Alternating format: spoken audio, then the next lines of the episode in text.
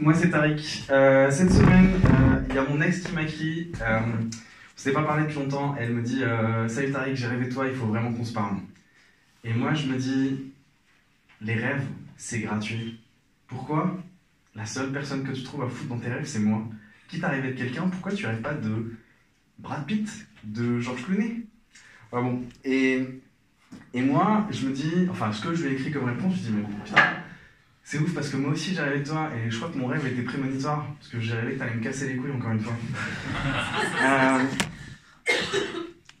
En vrai, je m'aime bien, mais je sais que je suis hyper négligent avec euh, moi-même sur plein d'aspects. Et je pense que je suis tellement négligent que si j'étais une femme, je serais la chatte de Zaz. Euh, le week-end dernier, j'ai fait la cuisine à des potes. Euh, ça s'est bien passé, je suis très content de moi parce que je pense que c'était mieux que dans certains restos parisiens parce que personne n'a eu la chiasse. Et euh, à la fin, euh, bah, il y en a qui me demandent bah, la recette du gâteau. Et je pense que je suis une mauvaise personne parce que je leur ai donné la mauvaise recette exprès. Mais je pense que c'est. En fait, si avec Internet en 2019, t'acceptes de mettre plus de sel que de farine dans ton gâteau, t'es complètement teubé en fait. Tu mérites pas de réussir ton gâteau. Et tu mérites pas de réussir cette blague. Euh, j'ai pas d'animaux de compagnie chez moi. Euh, parce qu'en fait, j'ai toujours de la compagnie. Chaque week-end, j'ai des cousins qui débarquent chez moi. Je dois m'occuper d'eux, je dois leur faire à manger, je dois faire attention aux poils qu'ils laissent un peu partout dans l'appart. Et ça m'occupe beaucoup plus qu'un chat ou qu'un chien, voilà. Euh, Il y a une fille qui m'a envoyé un message. C'est une citation, donc c'est une, une capture d'écran. La citation, c'était euh, la, procrastination est le propre du génie. Et moi, ça m'a fait beaucoup de bien. Vraiment, ça, parce qu'en fait, j'étais en- je me sentais pas très bien, j'avais du mal à écrire. Et je me suis dit que je lui répondrais après ce plateau pour lui dire que vraiment, ça m'avait fait plaisir ce message. Euh, et en fait, avec cette fille, ça se passe pas trop bien parce que justement, elle est hyper jalouse. Et je pense que la jalousie, ça a vraiment pas de sens, que ça soit dans un couple ou même dans les relations amicales. Parce que t'as jamais vu quelqu'un dire Putain, heureusement que je suis jaloux. Putain, si j'avais pas été jaloux, je suis sûr qu'il aurait su c'est Gérard. Ok. Euh, Bon, allez, euh, je finis une dernière sur la jalousie, qui est que euh, on a tous vu cette situation où t'as un mec qui parle à, sa copine et qui lui dit Mais écoute, il y a, y a un mec qui te tourne autour, toi tu t'en rends pas compte. C'est parce que toi tu connais pas les hommes. Les hommes ils sont vraiment obsédés par le sexe, ils pensent qu'à ça. Il y en a aucun qui veut vraiment être ami avec toi. Et quand il dit ça, il pense que en fait ça va lui permettre de protéger sa relation avec, euh, avec cette nana. Mais c'est pas le cas du tout en fait, il est juste en train de dévoiler sa nature. Il dit que lui, c'est un obsédé du cul. Il dit que lui, toutes les nanas qu'il voit, il pense à les sauter. Voilà, bah sur ces blagues, euh, grand succès. Euh, je vous laisse, merci beaucoup. En ce moment, il y a du soleil à Paris. Et on est dans une cave Alors, euh, moi je suis algérien, je vis à Paris depuis pas longtemps.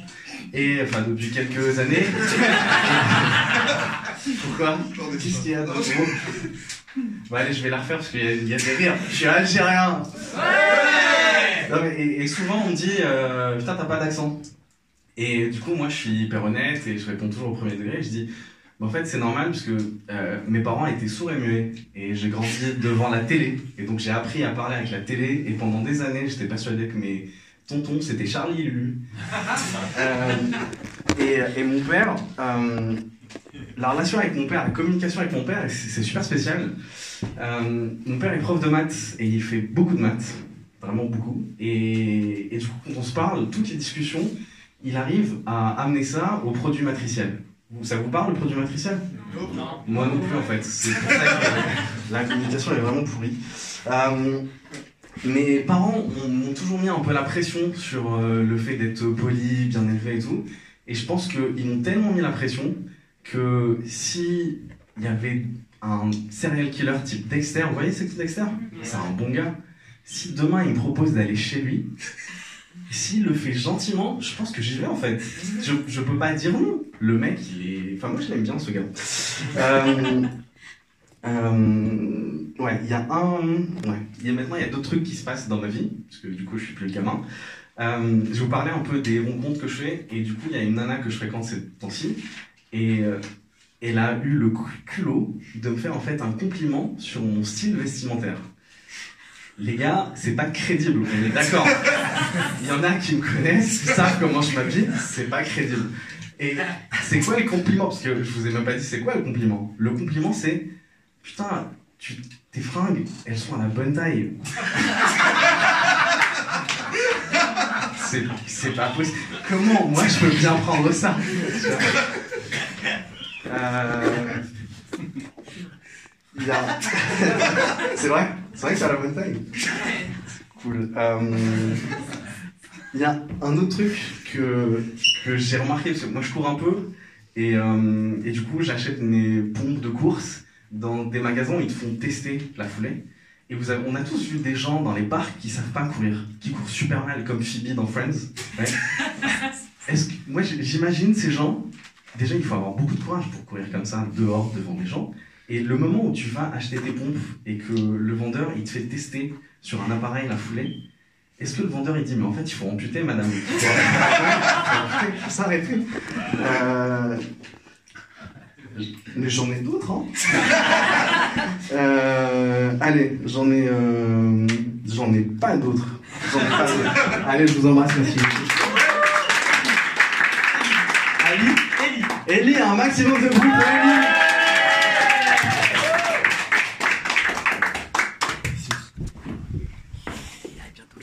Moi,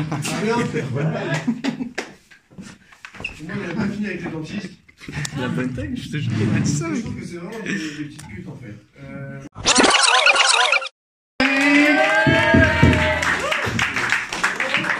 Yo. Euh, qui a fêté la Saint-Valentin? Euh, Non mais en vrai, j'ai essayé d'éviter le sujet au maximum toute cette semaine, donc bon, je vais essayer de pas en parler, ok? Euh, Du coup, le 14 février, euh, non, juste avant de venir, j'ai fumé un joint et je crois vraiment que je sais pas fumer. Parce qu'en fait, j'ai aucune, aucun effet, je sens rien. J'ai super faim, mais je crois pas que ce soit relié. Et je me dis, soit je suis une exception de la nature en fait, genre je suis le seul à être vacciné contre ça, soit là je suis à poil. Mais je crois pas, parce que je pense que toi, Marion, tu me regarderais avec beaucoup plus de dégoût en vrai. Non? Euh, Mais malgré cette vie pleine de vices et de luxure, euh, je suis tonton. Euh, ah bah merci. Merci, merci, merci. Bah, la famille, c'était pas aussi content que vous. Bon, déjà, ça fait 10 ans, c'est vieux, mais ça a eu beaucoup de répercussions dans la famille. Parce fait, à cause de ce gamin, Zach, euh, bah, en fait, mon frère a fait de la prison. Pourquoi? Parce que soi-disant, il aurait euh, confondu du GHB et de l'aspirine. Je ne crois pas. Vraiment, je ne crois pas. Mais, euh, mais bon, c'est c'est passé quoi. Et du coup, ce gamin, vraiment, ça a toujours été un monstre. Enfin, les bébés, c'est gentil tout, mais maintenant, avec du recul, vraiment, c'était une merde, ce gamin. Il, a, il a ruiné ma seule soirée d'anniversaire que j'ai osé organiser. Parce que moi, pour moi, c'est dur. On a mis du budget dessus et on a dû en fait tout annuler. Euh, en fait, on était en train de manger et on a dû aller en urgence à l'hôpital alors qu'on lui avait dit de pas mettre ses doigts dans la prise. Mais vraiment, il est insupportable. Euh, franchement, cette vanne, elle était bien. J'ai trop rallongé, je pense, le truc. Euh, ouais, et donc, j'aime pas ce gamin et je suis un peu jaloux. Il fait euh, l'école Montessori. Vous savez ce que c'est ou pas? Non. Ok, nous, nous cassez pas les couilles à essayer d'expliquer ça. Vraiment, je veux juste faire des vannes dessus. Donc, je vais pas expliquer le truc. Le seul principe, c'est que le gamin, il, il a pas de cours. Il fait ce qu'il veut. Ok? Allez, là, on est prêt pour les blagues. Et du coup, je suis hyper, je suis hyper jaloux. Vraiment, euh, ce, du coup, vu qu'il fait ce qu'il veut à l'école, et que ce gamin est profondément teubé, euh, sa première année, il a décidé de dessiner dans son caca. Et il a fait ça pendant un an. La deuxième année, il a décidé de manger les orteils de tout le monde. Il est teubé. Euh, J'aurais dû m'arrêter au caca, je crois. Euh, un des trucs qu'on leur fait faire là-bas, c'est euh, une chanson où ils disent Mes mains sont des papillons. Et Zach, ses mains, c'est pas des papillons. Zach, ses mains, c'est peut-être des petits pains. C'est peut-être des, de la pâte à modeler dégueu, mais c'est pas des papillons. C'est pas, il n'y a pas de blague là. Euh, euh, je suis aussi jaloux parce que ce- moi j'ai 30 piges et lui, à- enfin, déjà, à moi, j'ai j'ai jamais fait de soirée à thème super-héros. Et je suis fan de super-héros. Lui, il en a déjà fait pour son anniversaire. Et ça me fout vraiment les boules. Putain, j'ai plein d'autres vannes.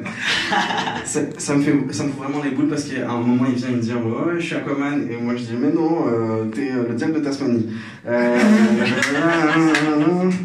Allez, j'aime bien quand on lui refuse des trucs et quand mon frère lui dit euh, Pas de câlin avant 20h. Allez, bisous à tous.